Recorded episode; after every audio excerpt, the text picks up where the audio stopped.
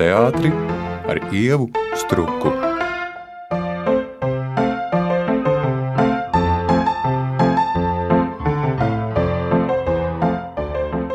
Raidījumā Šņurbēniņi, kas izskanēs gada nogalē, es nolēmu noslēgt teātrim piederīgo profesiju ciklu ar sarunu, kurā aicinu dalīties savās pārdomās un profesijas izjūtā teātris zinātnieci un mākslas zinātņu doktoru Zana Radzobi. Sveika, Zana! Sveika! Šis pusgads bija veltīts tām teātras profesijām, ko ikdienā uz skatuves neredz vai redz tikai publiskajā telpā padarīto darbu. Un kritiķis gal galā arī ir viena diezgan noslēpumaina profesija vai diezgan neparasta profesija, jo gadu gaitā man pašai nāks ik pa brīdim saskarties ar jautājumu, ko tad īsti tāds cilvēks dara, kā to apgūst.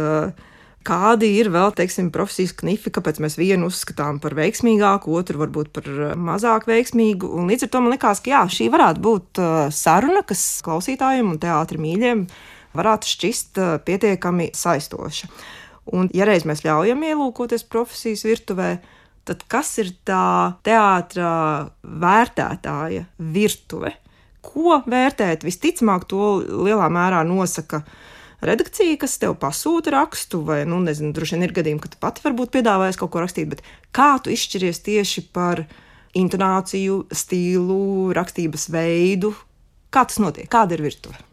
Nu, Pirmkārt, droši vien jāsāk ar to, ka virtuve visbiežāk arī ir virtuve. nu, respektīvi, labākais galds vai ērtākais galds rakstīšanai.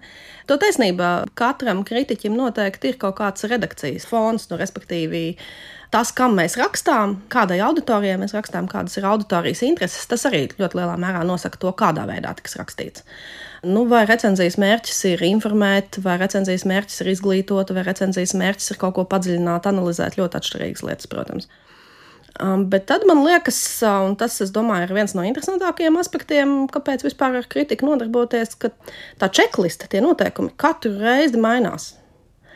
Un tādā ideālā formātā uh, labai recenzijai ir jābūt vienmēr uzķilnotai tieši attiecībā uz to konkrēto izrādi, ko vajag recenzēt. Pirms tu esi redzējis to izrādi, nevar pateikt, kāda būs recenzija. Ne tikai tajā ziņā, kāds būs vērtējums, dabiski nē, bet arī to, kāds būs stils, kādas būs tēmas, visu, visu pārējo. Tas dzimst pēc tam. Vai tas dzimst tiešām tad, kad apsēdies un zini, nu šis ir tas laiks, kas recenzijai ir jāatvēl, jeb tu raksti izrādes laikā? Galvā. Um, kaut kādas lietas, protams, izrādes laikā ienāk prātā, bet uh, es domāju, ka tas ir drīzāk tāds tehnisks formāts, tāpēc, ka izrādi jau vajag pārtulkot tekstā. To raksta pēc tam. Tāpēc, ka diezgan bieži ir tā, ka tas, ko tu domā izrādes laikā, un tas, ko tu jūti izrādes laikā, pēc tam, kad ir pagājis kaut kāds laiks, lielāks vai īsāks, tas ir ļoti mainījies. Vērtējumi ir mainījušies. Pirmie iespaidi uh, nav tie, kas ir uzticamākie. Tas, ka tev kaut kas ļoti patīk vai ļoti nepatīk, vai tas, ka tu kaut ko nesaproti un tam līdzīgi, tas vēl nav nekāds rādītājs. Tas ir tikai sākuma punkts tam, kas pēc tam darbam ir eh, nu, jāsako kaut kādā formātā. Un reizēm ir tā, ka kaut kādas lietas, kas ļoti nepatīk, izrādās ārkārtīgi labas. Un reizēm ir tā, ka kaut kādas lietas, kas ļoti patīk, izrādās mazāk labas, un viss kaut kas pa vidu. Paklausīts, man šķiet ārkārtīgi aizraujoši. Kas notiek uh, galvā tajā brīdī, kad saproti, ka tas, kas tev ir ļoti nepaticis, tomēr ir ļoti labs? Tad droši vien ir jāparunā arī par to, ka kritiķi ir ļoti dažādi. Punkts viens. Bet otrs, kas ir tās lietas, kas visiem kritiķiem ir kopīgas, un kas ir tās lietas, kuras ir atšķirīgas. Un tas, kam vajadzētu būt kopīgiem, kas ir tā objektīvā lieta, pēdiņās liekot kritikā, ir tas, ka visiem vajadzētu vienādi redzēt to, kas notiek uz skatuves. Tāpēc, ka vienmēr kaut kas objektīvi notiek, un tā nav kaut kāda iztēle. Pēc tam tas, ko dara dažādi kritiķi, ir um, to pakļauj analīzē, kas jau salīdzinoši ir nu, daļai objektīva, bet daļai subjektīva, un pēc tam vērtējumam, kas gan arī vienmēr ir subjektīvs. Un tad uz tās bāzes, kur tu esi nofiksējis, ka lūk, tas teksts ir tāds, dažādi cilvēki var nonākt pie ļoti dažādiem secinājumiem. Bet tavā tomēr nu jau diezgan ilgajā pieredzē, vai pirmajā punktā jau neiestājas zināma krīze, man gribas tev piekrist, ka objektīvi uz skatuves notiek lietas, un mums tās būtu jāierauga vienādi. Ir ceļš, ja mums ir kaut kāda kopēja profesionālā bāze, bet zāne, man ir aizdoms, ka tas nenotiek. To jau arī nu, kaut kādas sadzīves situācijas pierāda, ka mēs vienu un to pašu katrs saredzam nu, ļoti subjektīvi jau šajā fāzē. Ja varbūt tā ir mana iedoma, un ar mani nav labi. Nu, godīgi sakot, tad, kad es biju pavisam, pavisam jauna, tad uh, man tas diezgan satrauca un traumēja. Nu, stāsts par to, kādā veidā ir iespējams redzēt tik ļoti, ļoti atšķirīgi. Tie gadījumi ir ārkārtīgi dažādi, man liekas, bet es parunāšu par tiem gadījumiem, kurus nu, saprotu kaut kādu tiešām objektīvu pamatu. Un viens tāds objektīvais pamats noteikti ir Nu, tagad es eh, runāšu kā cilvēks, kam ir arī daļa manas dzīves akadēmiskajā vidē, bet eh, nu, kritiķi arī daļa ir um, akadēmiski izglītoti, daļa, es domāju, arī metodas izmanto tādā intuitīvā veidā. Un īstenībā tas, kādu metodi tu izmanto, nu, respektīvi, metode ir domāšanas modelis. Tas arī ļoti ietekmē to, ko tu redzi. Un līdz ar to, jā, objektīvi, neviens visu izrādi neredz pilnībā. Vienmēr ir izrādē kaut kādas lietas, kurām tu pievērs uzmanību vairāk, un kuras tu savukārt pilnīgi marginalizē. Un tas ir atkarīgs īstenībā gan no tās izrādes pašas kā tādas, visbiežāk, bet tas ir atkarīgs no tā, nu jā, kā tu esi uh, izglītots, kāda ir tava ikdienas rutīna, kā tu esi vispār pieradis strādāt ar izrādēm. Un tad droši vien, ja tu saskaries ar izrādi, kas prasa principiāli citu skatījumu, nu, tad vienkārši var nepaspēt pārslēgties domāšanu. Dzirdēju, runāt tieši par to citu skatījumu un kontekstiem. Es pati nevaru atbildēt uz šo jautājumu, tieši tāpēc es uzdošu tev. Proti, um, kā tev šķiet, kā ir auglīgāk ņemt uh, vērā visu, ko tu savā dzīvē esi redzējusi, un daudz tomēr arī ārpus Latvijas? Tas attiecas uz jebkuru no mums. Vai tomēr uh, ņemt vērā lokālo kontekstu, un skatīt, piemēram, nezinu, katra mākslinieka daļradas kontekstā, katra teātra kontekstā vai Latvijas teātra kontekstā. Kāpēc es to jautājumu? Kāpēc šis jautājums man nodarbina laikam visus 30 gadus, esot profesijā? Nu, ļoti primitīvi, ka tad brīžiem varētu likties, nu, ko tad vispār vērtēt, jo visticamāk, teiksim, tāds ikdienas process nevienmēr aizsniedz virsotnes. Uh, Bet otrs jautājums, kāpēc man tas mulsina, nu, ja tu raksti par izrādēm, tu tās vērtē, un ja tu vērtē kontekstā, kas ir starptautisks, tas nav pieejams teiksim, tādam ikdienas teātra gājējam. Un līdz ar to tu kā, nu, dzīvo tādā abstraktā pasaulē, kurā tu vērtē pēc saviem zināmiem kritērijiem. Līdz ar to mans jautājums ļoti konkrēti ir par kontekstiem. Vai tev nākas par to domāt, un vai tas ir mainījies arī gadu laikā, rakstot par teātri? Tas mainījies ļoti noteikti. Es varbūt es sākšu par tiem dažādiem kontekstiem, dažādiem burbuļiem.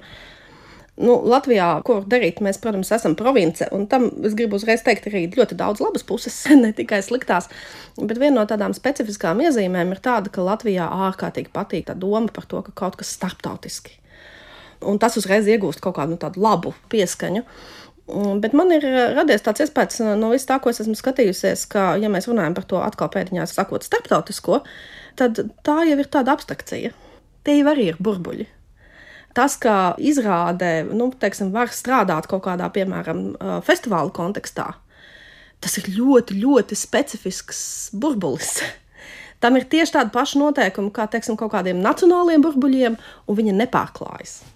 Tas nav stāsts par to, ka nu, teiksim, ir kaut kāds zemāks lokālais līmenis, un tad nacionālais līmenis, un tad pēc tam ir augstāk, plašāks kaut kāds starptautiskais līmenis. Nē, vienkārši tās ir kaut kādas pasaules, kuras eksistē pašas attiecībā pret sevi. Un tāpēc, ja teiksim, kāds teātris strādā piemēram uz festivālu publiku, ļoti labi.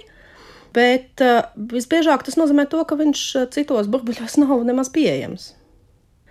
Un eh, par ko pie tā, ko tu pajautāji, varētu runāt, ir, ko mēs vispār kā kritiķi realitātē darām un kāpēc eh, vispār ir jēga, man liekas, kritikai kā tādai, ko tas nozīmē. Un tur, protams, ir viens tas līmenis, ko tu teici, vērtēt, respektīvi eh, teātris objektīvi ir izvērtējums. Nu, var teikt, aktieris spēlē labi, režisors uh, interpretējis slikti, scenogrāfs ir uzbūvējis vai nav uzbūvējis to un to.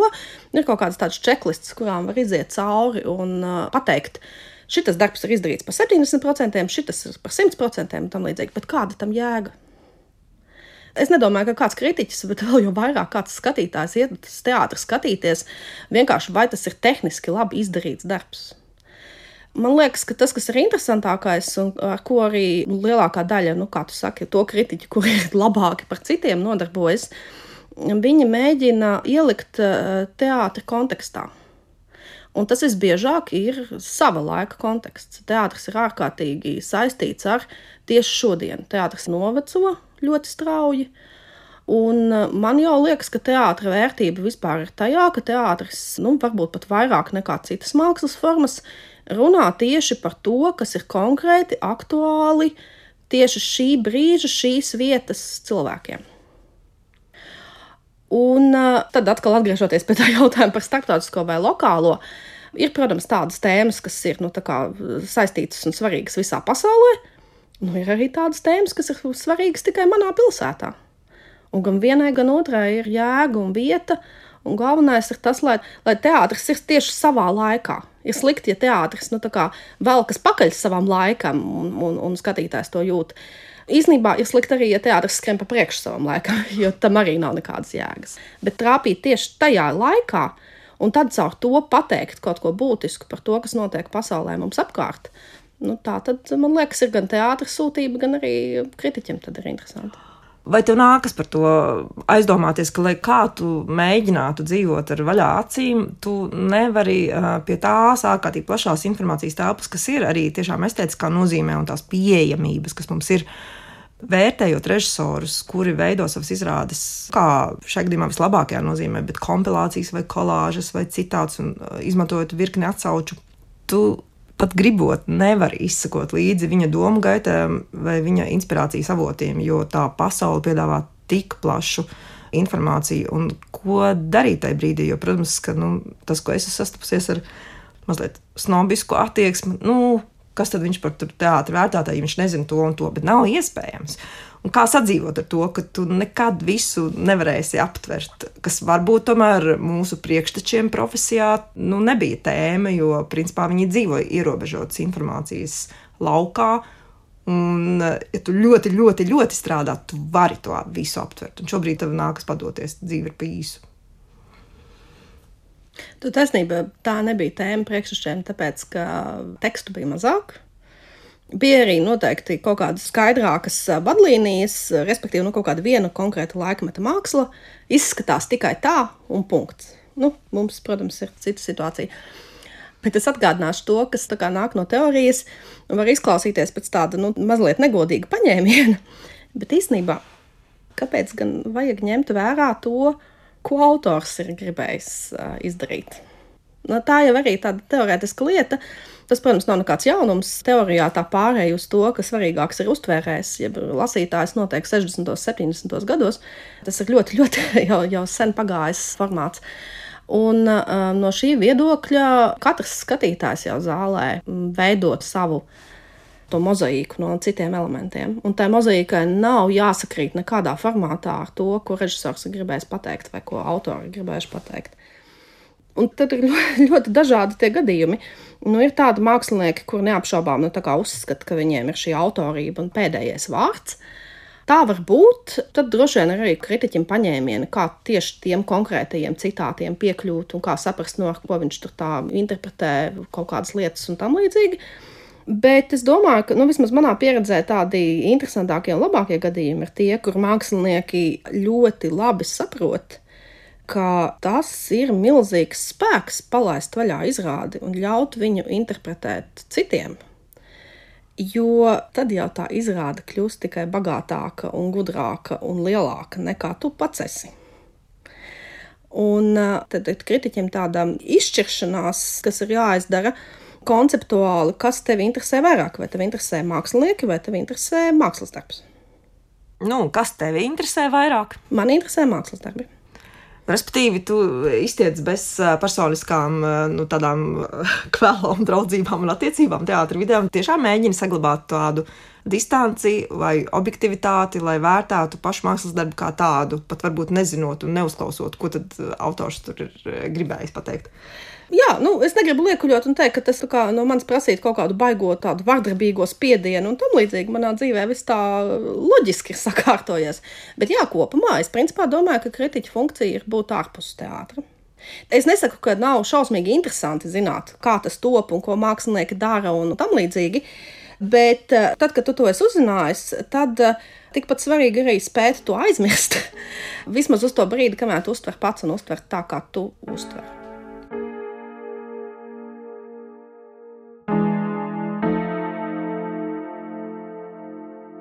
Šņurbēniņi.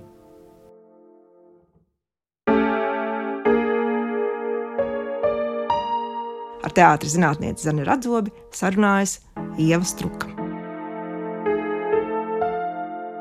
Agri vai vēlu, man, protams, ir jāpiesauc uh, tava mamma un mana skolotāja Silvija Radzobe. Un viņa nu, ne ikdienā, bet tomēr vairāk nekā jebkurš cits Latvijas kritiķis ir izmantojusi eh, spēli kā elementu arī recenziju rakstīšanā.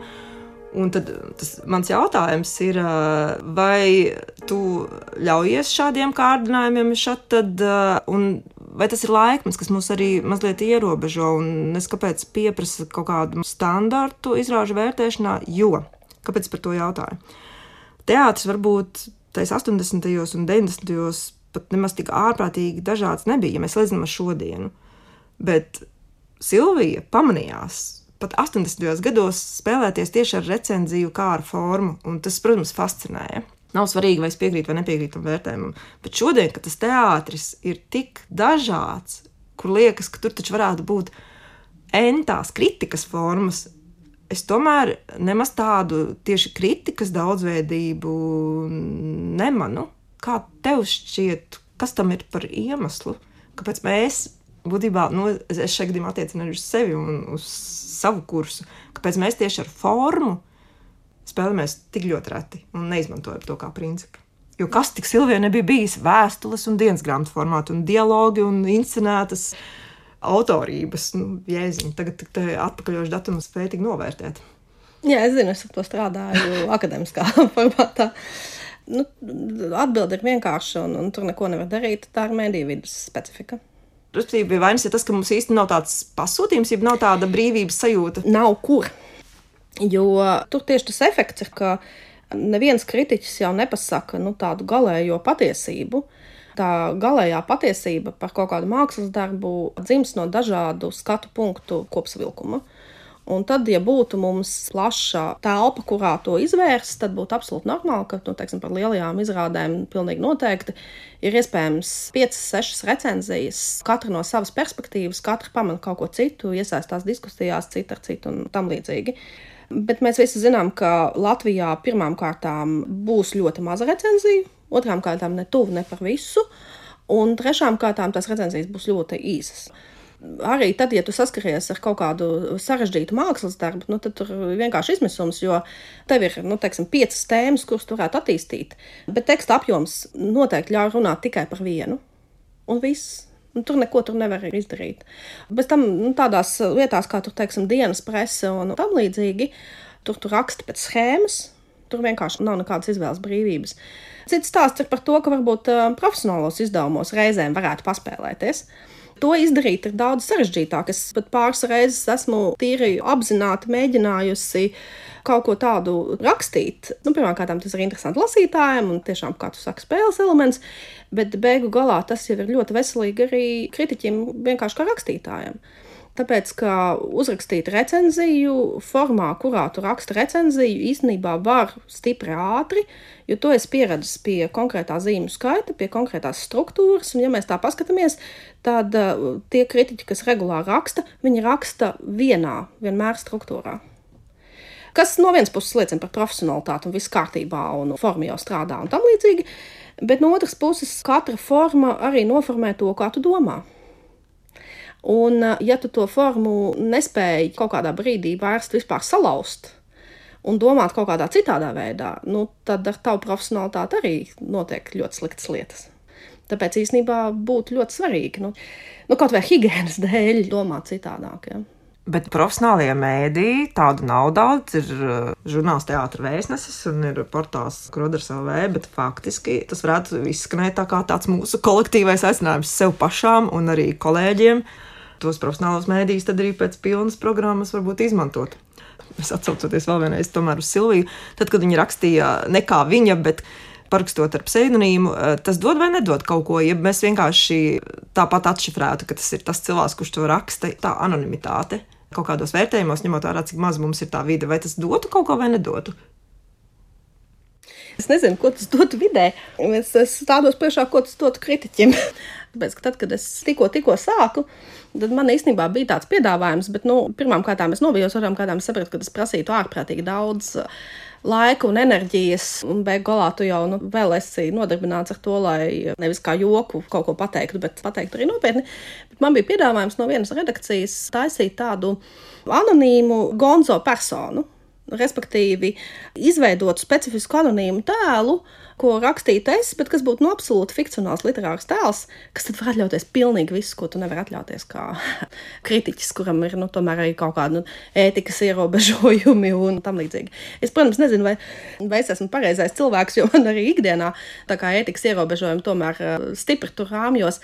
Bet, principā, nu, teiksim, cita veida domāšana, cita veida kaut kādu nērto patiesību pateikšana, cits stils un tā tālāk, tas strādā ļoti labi. Es lekcijās izmantoju piemēru, kur man liekas, smukšs tas uh, darbojas. Jūs atceraties, bija tāds tekstelvē, kur žurnālistu kompānija jaunu, arī pilnīgi tādā anonīmā formātā, virtuves sarunu formātā rakstīja mēdīju kritiku. Diezgan vulgāri, tieši tā kā virtuvē tas notiktu. Bet tam bija īstenībā jēga. Tur ļoti daudz kas tiek pateikts. Daudz kas arī tāds, ko nu, publiski tu vienkārši nevari pateikt nu, arī tā droši vien ir kaut kāds virziens, kurā profesionālie izdevumi varētu soļot. Bet uh, kāds ir, tomēr, vai nav kaut kāds brīdis, kad tu esi tik lielā mērā profesionāls un tik ilgi savā nozarē, ka ir sajūta, ka, nu, nu, ka jēga ir tieši tam, tam vārdam un tam uzvārdam, ar kuru tu esi apliecinājusi tomēr to profesionālo līmeni. Un šāda anonīma forma, tas būtu tiešām tā kā šīs slavenās teikas par tiem ķīniešu māksliniekiem, kuriem vienkārši atņem vārdu un tad iekaro vēl vienreiz ar citu vārdu to savu auditoriju. Un tad, kad tu to izdarīsi, tad atkal maini vārdu. Ka jāgauj tam vārdam, vai tu to jūti, ka tam vārdam ir svars.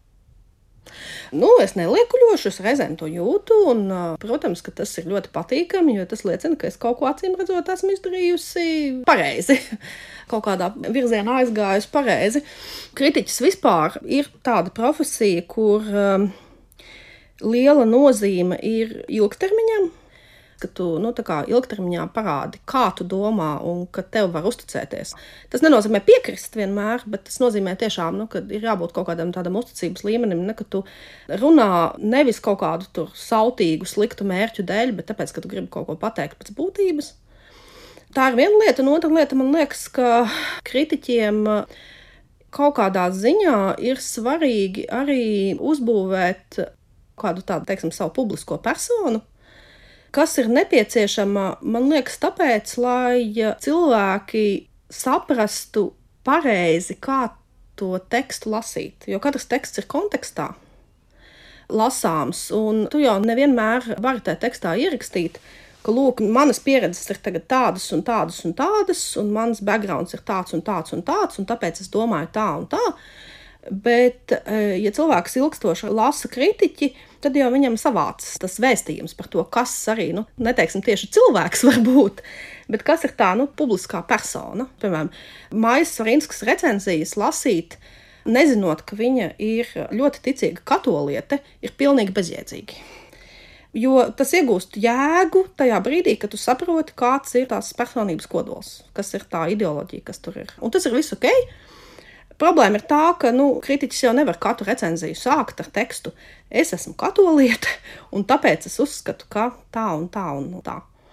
Tā kā vispār man liekas, ka tas, ka kritiķis uzbūvē nu, kaut kādu savu tēlu un vārdu, ka tam ir arī attiecībā par tiem tekstiem un vispār par tādu ilgtermiņa pasākumu ļoti liela nozīme. Bet nu, es pieļauju, ka tie kritiķi, kas nonāk kaut kādā tādā tiešām absolūtā jau slavas zenītā, ka tur varbūt pišķiņi ir stāsts arī par to, ka tas kaut kādā ziņā var kā nomākt un ietekmēt. Nu, respektīvi, ka vārds var ietekmēt tevi kā personu. Es gan par to varu, protams, spriest tikai tīri teorētiski, un es arī par māmu domāju, domāju, ka varbūt tas nebija tik tāds schematisks gadījums, jo māma jau vispār kā cilvēks bija tāda, kurai vienkārši patika visu laiku kaut ko jaunu un, un, un būt dzīvai un, un tam līdzīgi. Bet, principā, ja tavs vārds sāk nomākt tevi un tev liekas, ka tu vairs nevari uzvesties eh, brīvi, brīvi domāt un brīvi izpausties, tāpēc, ka nu, ir pa priekšu kaut kāds uzvedības noteikumu formāts, kas ir svarīgāks par to, kas tu esi dzīves, nu tad, eh, nu, tad ir droši vien izvēles iespējas. Viena no izvēles iespējām ir nu, visus salauzt vienkārši un, un mēģināt no jauna. Klausām, bet ja mēs tomēr runājam par tevi, tad varbūt uh, plašākajai auditorijai ne visiem ir zināms, ko tu dari tajā sociālo zinātņu fakultātē un kas ir tava šobrīd pamatnodarbošanās, jo, kā mēs zinām, teātra kritika reti kuram vai pat nevienam nav pamatnodarbošanās. Nu, es strādāju ar jauniem cilvēkiem, kas ir pilnīgi brīnišķīgi. Um, es to nekad par sevi nebūtu domājusi, bet izrādījās, ka man ļoti patīk būt pedagogam. Te varbūt drusku jāatkāpjas, jo es vispār esmu kultūras teorētiķe. Un tā specializācija uz teātri. Viņa ir gan jauša, gan nejauša vienlaicīgi, bet tas nozīmē, ka backgrounds man tomēr ir stipri plašāks. Un uh, sociālā zinātņu fakultātē es strādāju ar cilvēkiem, kas būs žurnālisti, kas būs uh, reklāmas speciālisti, PR speciālisti un tā tālāk. Un strādāju ar ļoti dažādām tēmām, kas ir saistītas ar dažādiem tekstiem un dažādām kultūras izpratnēm. Tā skaitā, piemēram, ar populāro kultūru, tā skaitā ar dažādām autorības lietām un modeļiem, tā skaitā drusku ar kritikas aspektiem un mazliet ar performatīvajām praksēm. Nu, tas nozīmē, atlicot atpakaļ uz teātri, mums nav jābrīnās, ka tu atpazīsti popkultūras eh, izpausmes mūsdienu modernajā teātrī. Nē, es iegūdu uh, nepieklājīgi daudz laika, lai sekot līdzi, piemēram, Mauku senču daļradai. Tā kā es nezinu, kas ir šis personāžs un ko no sevis dod, kā teikt, Silvija, tad man atliek tikai cieņā noliekt galvu. Bet par teātri un tā iekšpusi es nevaru tev principēc nepajautāt par tiem šņurbēniņiem. Kāds ir tavs priekšstats? Kas tad ir tie šņurbēniņi un kas tur notiek? ne tikai raidījumā, bet naktīs un teātros. Nu, kaut kādas uh, baumas jau laiku pa laikam nonāk arī pie cilvēkiem, kas par to īsti neinteresējas, un tas ir ļoti jauki, protams. Tā kā es klausos arī šņurpēniņus un zinu, par ko tu runā ar visādiem saviem viesiem un biedriem, tad um, es mazliet esmu domājis, piemēram, par to jautājumu, īpaši pēdējo laiku visu teātra turbulenču sakarā, uh, Tu man liekas, Evitai Ašrādnē prasīja, kas tad ir svarīgākais direktorā, kas ir svarīgi. Un, uh, tas ir drusku tāds cinisks formāts, bet varbūt arī netik cinisks, bet uh, pat kaut kādā ziņā poetisks stāsts. Man jau kaut kā liekas, ka galvenais, kas teātrus nu, motivē un satur kopā, ir panākumi. Kaut kā liekas, ka tajā brīdī, kamēr ir panākumi, tikmēr viss cits kļūst pilnīgi nesvarīgs. Vienalga kādas personiskās attiecības, vienalga nepatikas, problēmas, dažādas ideoloģijas un tam līdzīgi tam nav nekādas nozīmes. Tad, ja darbs iet pēc būtības un tam ir kaut kāda augļi, tas nevienam, tā teikt, nevienu tas nekrita runājot latviešu valodā. Vispārējais kļūst būtisks tad, kad uh, nav darba un tad, kad tas darbs nenes rezultātus. Un man liekas, ka kaut kādā ziņā nu, tā poetiski līdz ar to es tā pieņemu, ka tie šņurbērniņi tajā brīdī, kad darbs notiek pēc būtības, ir diezgan klusa vieta, un ka tur tā teikt, viss ir koncentrēts tomēr uz skatuvi. Tajā brīdī, kad uz skatuves nekas nenotiek, nu, tad droši vien teātris sākas tieši šņurbērniņos. Šī bija varana atbilde, bet vienlaikus es eh, noslēgt uh, raidījumu vēlos ar uzaicinājumu parādīt tev šņurbēniņus vārda tiešajā nozīmē. Ar lielu prieku pie visām savām uh, augstumbailēm. Labi, Zana, paldies tev!